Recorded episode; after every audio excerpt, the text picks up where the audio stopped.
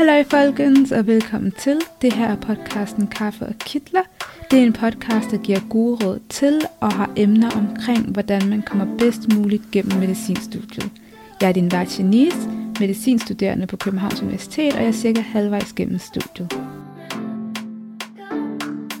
Hej og velkommen til. Det her er den 16. episode af podcasten Kaffe og Kitler. Du lytter til Studieteknik Notater. Jeg vil gerne lige undskylde, hvis jeg lyder lidt underlig. Jeg er lidt forkølet, men jeg tænkte, okay, jeg optager den her episode. Heller jeg optager når der kommer noget ud, end at jeg ikke lægger noget ud, og så begynder jeg at slække på at lægge noget ud, og så lige pludselig stopper jeg med at lave podcasten. Så jeg tænker, at øh, jeg tænker, I umiddelbart godt kan leve med, at jeg lyder lidt anderledes, øhm, men det bliver sådan lidt, hvad det er. Det første, jeg gerne vil komme ind på omkring notater, det er, hvorfor overhovedet tage notater. Øhm, grunden til, at det er en god idé at tage notater, er, at det er et rigtig fedt værktøj. Det er et godt værktøj, der kan hjælpe til forståelsen af stoffet, man lærer, men også at huske det stof, man lærer. Man lytter altså til det, som øh, for eksempel forelæseren siger, og så sådan indarbejder man det, eller det lige bliver sådan arbejdet i hjernen, øhm, og så bruger man så sin egne ord til at skrive det ned, øhm, og derfor bliver det sådan et resume af det, man har læst eller lyttet til. En anden god grund til, at det er godt at tage notater, eller hvorfor man overhovedet tager notater, det er, fordi det er en god måde at få organiseret det, man har læst. Øhm, ved at få det organiseret det på papiret, har man på en måde også fået organiseret det i ens hoved. Øh, det kan jo være, at det her emne virker sådan ret komplekst eller diffust til at begynde med, Øhm, og så først organiserer man det i sit hoved. Hvis man så har organiseret det i ens hoved, kan man få det organiseret ned på papiret. Og på den måde kan det her emne blive lidt mere håndgribeligt.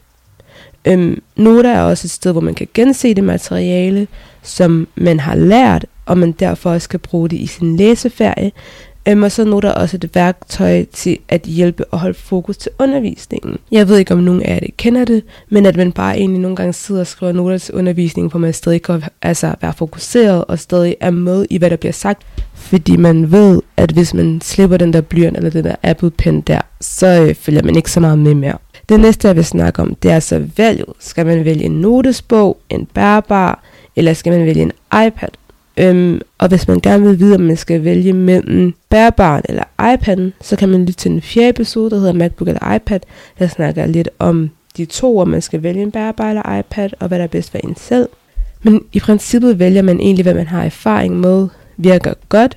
Øhm, og når man så har valgt det, så kan man sige, okay, med bærbaren, så er en regel, at man ikke skal skrive af. Man skal ikke prøve nærmest at transcribe, hvad øhm, forelæseren siger, men man skal prøve sådan, som sagt, som der blev nævnt tidligere, på en eller anden måde få organiseret det stof, som man lærer i ens hoved, og så få det skrevet ned på papir med ens egne ord. Og regel 2, man kan bruge, det er, man kan bruge det til notesbogen, bærbaren eller iPad'en, at man kan bruge forkortelser så hvis man skal skrive patient for eksempel, så skriver man PT. Hvis man skal skrive andre ting, så bruger man andre forkortelser. Og så det tredje, jeg gerne vil ind på, det er, hvad kan du bedst lide? Kan du bedst lide tegninger, billeder, figurer?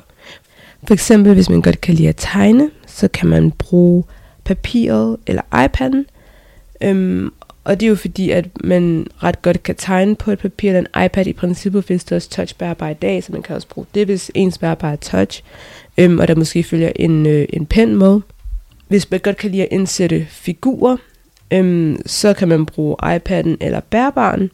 Hvis man godt kan lide også sådan, for eksempel, hvor man indsætter en figur, og så udfylder den. Altså man for eksempel på iPad'en kan overføre en figur, og så tegne omridset af den, og så selv fylde farver ud, hvis man, I kan se, hvad jeg mener.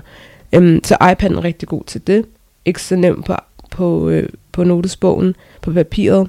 Og man kan i princippet også gøre det på bærbaren. Det er bare lidt sværere, hvis man så skal bruge sådan ens navigator, eller hvad det hedder, øh, ens mus til at gøre det. Og så hvis man bedst kan lide at indsætte billeder, så kan man bruge bærbaren eller iPad'en til det. Så i, for, i princippet at de ting, at tegne, at indsætte figurer, at udfylde figurer, indsætte billeder, hvis der er en af dem, som man hælder mere til, jamen så kan man bruge øhm, den iPad, den notesbog, den bærbar, øhm, som der passer bedst til det, øh, eller fokusere på at få det værktøj, altså notesbogen, iPad'en eller MacBook'en. Og så er der så de forskellige metoder. Der er forskellige metoder, man kan bruge til at tage noter. Der er outline-metoden, jeg tror det er den, som de fleste bruger, hvor man har en titel, så har man en overskrift, så har man en underoverskrift, og så kan man komme med forskellige punkter. Jeg håber, I kan se, hvad jeg mener.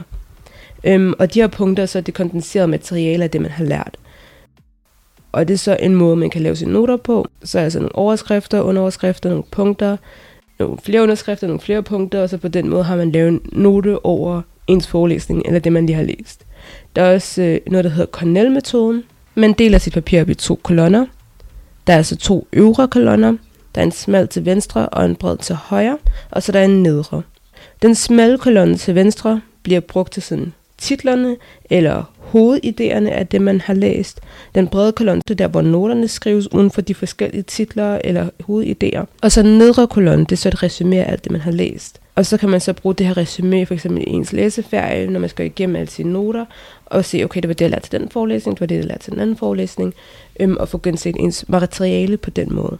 Og så den tredje måde, man kan få skrevet sine noter ned på, det er ved mindmapping. Øhm, I ved umiddelbart godt, hvad mindmapping er, så øhm, jeg vil ikke komme for meget ind på det. Men det er generelt ret godt til den visuelle person, der kan lide at få ens idéer ned på sådan et bredt stykke papir og se det for sig. Så er der den fjerde måde, man kan gøre det på. Den fjerde måde er ved skemaer. Det er ideelt til bærbare. For eksempel så har man to kolonner i det her skema, og så i den venstre kolonne, så har man altså emnet, eller underemnerne, Øh, og så i den højre kolonne, så har man de her noter, man gerne vil skrive. Og det er til den, der rigtig gerne vil have sådan organiseret, altså meget organiserede noter. Og af hvad jeg husker, så er det faktisk ret godt til sådan noget filosofi, etik, noter. Altså for eksempel, så kan man have teoretikeren i venstre kolonnen, og så kan man have sådan de idéer, som teoretikeren havde i højre kolonnen, hvis det giver mening. Den femte måde, man kan få lavet noter på, det er, at man highlighter i bøger, eller de skrevne notater, man har skrevet. Øhm, det kender I godt, og det vil jeg sige, at den sådan lidt mere passive form af at tage noter, eller i forhold til notattagning.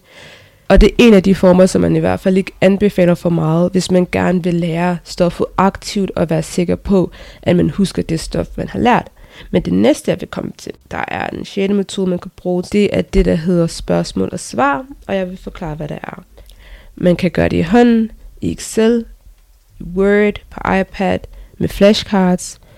Øhm, og man kan gøre det således. Det første, man kan gøre, er, at man læser, øhm, man læser det, man læser, eller man er til undervisning. Og så i stedet for at skrive sådan, bare skrive, ikke skrive af, men altså skrive sine noter, så skriver man det emne, man har som et spørgsmål. For eksempel, man har om mitokondriet, så man skriver, hvad er et mitokondrie, og så, øhm, og så bagefter, så besvarer man så det spørgsmål i ens note, øh, og så beskriver man så, hvad mitokondriet er. Og på den måde ender man altså med at have noter, hvor der er en hel masse spørgsmål og en hel masse svar.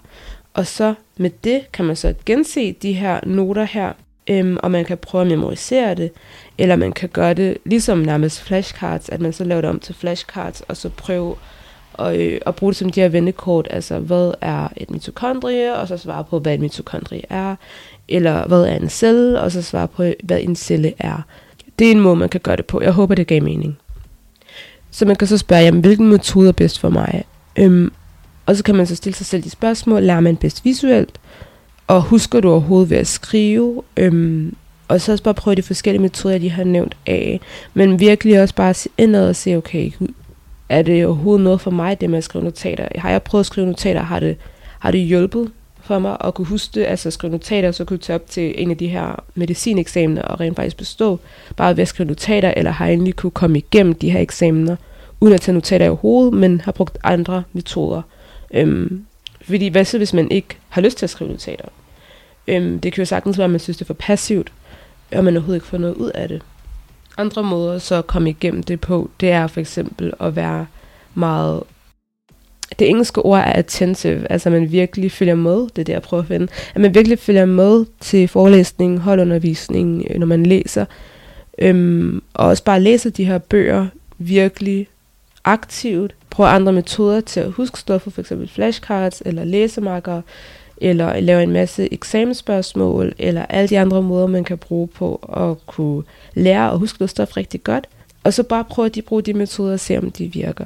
Fordi det sidste, jeg vil sige, det er, at skrive noter virker rigtig godt for nogle mennesker, og nogle mennesker virkelig komme igennem studiet rigtig godt med noter, og andre mennesker kan komme igennem medicinstudiet uden at have skrevet en eneste note. Så jeg vil bare sige, at det er muligt at komme igennem medicinstudiet uden at skrive noter, og det handler også bare, hvad man føler virker bedst for en selv. Så det var det for den her episode. Tusind tak, fordi du lyttede med, og jeg håber, at du kunne bruge det til noget. Jeg håber også, du kunne holde ud og lytte til mig og min lidt mærkelige syge stemme. Men vi ses til næste gang.